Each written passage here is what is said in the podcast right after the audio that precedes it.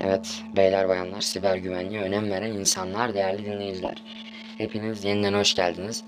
Bir önceki bölümümüzde bildiğiniz gibi sosyal medya hesaplarının güvenliğine değinmiştim. O zaman da söylediğim gibi bir de bu web site patlatma olayıyla ilgili bir şey gelecek demiştim. e, podcast gelecek demiştim. Şimdi bugün genel olarak bu nasıl oluyor? Yani böyle nasıl hackliyorlar ya bunu derseniz ya böyle çok basit üstün körü bir şekilde anlatacağım ben size bunu. Yine aynı şekilde nasıl şeyde anlattığım gibi argumentten demiştim ya mektup gönderiyorsunuz arada bir posta araçları 200 kilometre 70 kilometre vesaire diye. Aynı o şekilde rahat anlaşılabilecek bir dille anlatmaya çalışacağım. Umarım başarılı olurum. O zaman hadi geçelim. Şimdi eee, şöyle Mesela bir web site düşünün abi tamam mı? Mesela e, nasıl söyleyeyim? Hani size bir hesap oluşturun diyorlar ya. Başta durun bekle durun tamam. Unutun az önce söylediklerimi baştan geleyim. Şimdi bir web siteyi nasıl oluşturuyorlar? Şimdi belli kodlar kullanıyorlar. Bu he- birkaç tane dil var. HTML var, CSS var, PHP var. Şimdi bunları bilmeniz önemli değil. Ben size şunu söyleyeyim. Bunlar sitenin görümün, görünümünü HTML ve CSS dediğim diller oluşturuyor. PHP dediğim dil ise sitenin daha çok arka işlerini hallediyor. Mesela hesap oluşturma, mesela yorum yapma, mesela videoları beğenme gibi. Yani bu tarz işleri tamamen PHP hallediyor ve PHP'nin özelliği şudur ki veri tabanıyla ortak çalışabilir.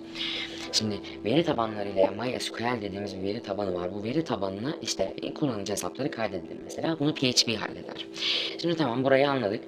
Değil mi? PHP ile yazılan kodlar sayesinde hesaplar oluşturulabilir, yorumlar yapılabilir. Yani veri tabanına veri ekleyebiliyoruz dedik. Tamam okey burası anlaşıldıysa sorun yok.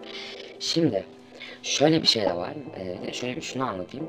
Şimdi hani siz mesela üye olurken sizden bir kullanıcı adı girin diyorlar ya. Şimdi siz oraya mesela ne yazdınız atıyorum? Buray yazdınız. Buray ne alaka? Mesela adınız postit tamam mı? Siz oraya postit yazdınız.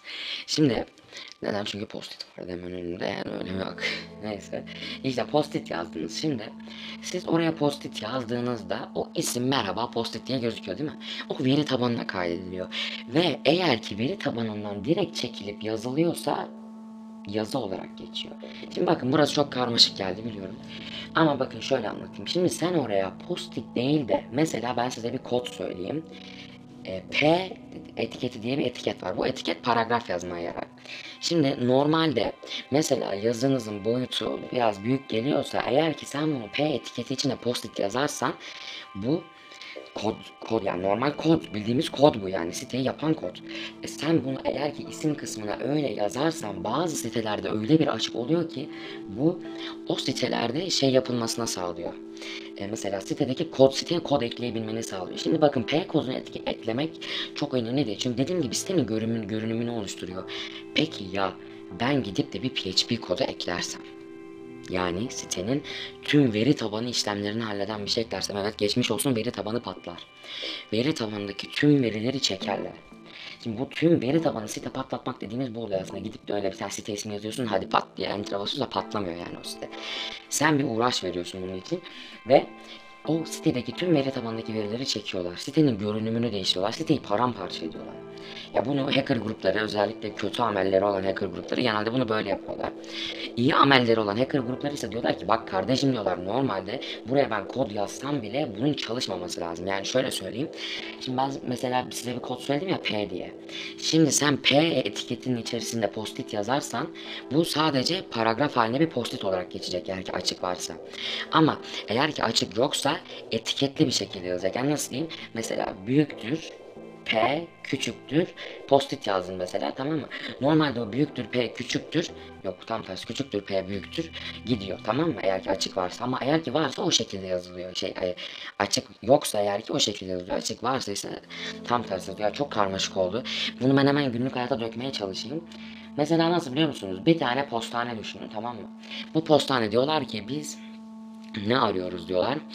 Ee, biz bir öneri arıyoruz diyorlar işte. Bize bir öneri yapın diyorlar. Sen öneri olarak diyorsun ki mesela işte ne yapın diyorsun? Ha şöyle yapın diyorsun. Mesela e, moderasyonunuzu değiştirin diyorsun. Ha, ben başkan olayım diyorsun. Tamam ben postanenin sahibi olmak istiyorum diyorsun.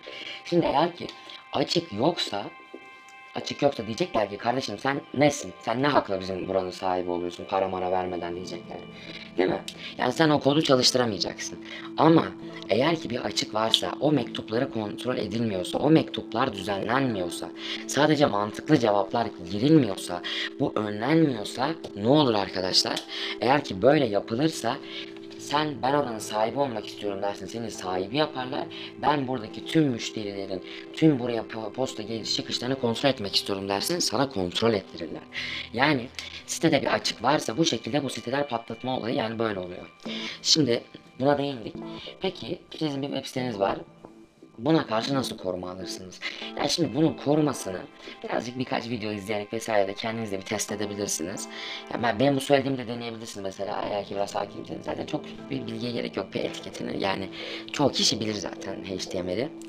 Şimdi e, bunu denerseniz zaten açık olup olmadığını anlarsınız. Tabii farklı farklı açıklar var. Şimdi HTML açığı olup PHP açığı olmayabilir. Yani bunlar kapatılmış da olabilir. Yani veya şöyle bir açık daha var. Son bir açığa daha değineyim. Sonrasında bitireceğim zaten. Şimdi bu açıkta da mesela sana diyor ki bir video yükle diyor. Sen MP4 veya işte video türü aklıma gelmedi. Neyse işte MP4 yüklemek istedin. Şimdi sana diyor ki sadece MP4 yükleyebilirsin derse eğer ki tamam açık yok ama sen oraya PHP dosyası yani moderasyon dosyası ekleyebiliyorsan geçmiş olsun yine site patlar. Çünkü o server'a ekleniyor direkt o eklenen video. Yani bunlar çok tehlikeli açıklar. Bunlar siteyi direkt bitirir. Yani bu siteleri patlatsana abi site. Yani bunlar böyle oluyor. Site ekleme dediğimiz olay tamamıyla bu. Yani sitede bir açık yoksa patlatılmaz. Ama tabii ki bu siteleri insan o evladı yapıyor. İnsanoğlu yapıyor. Yani elbette bir açık olacaktır.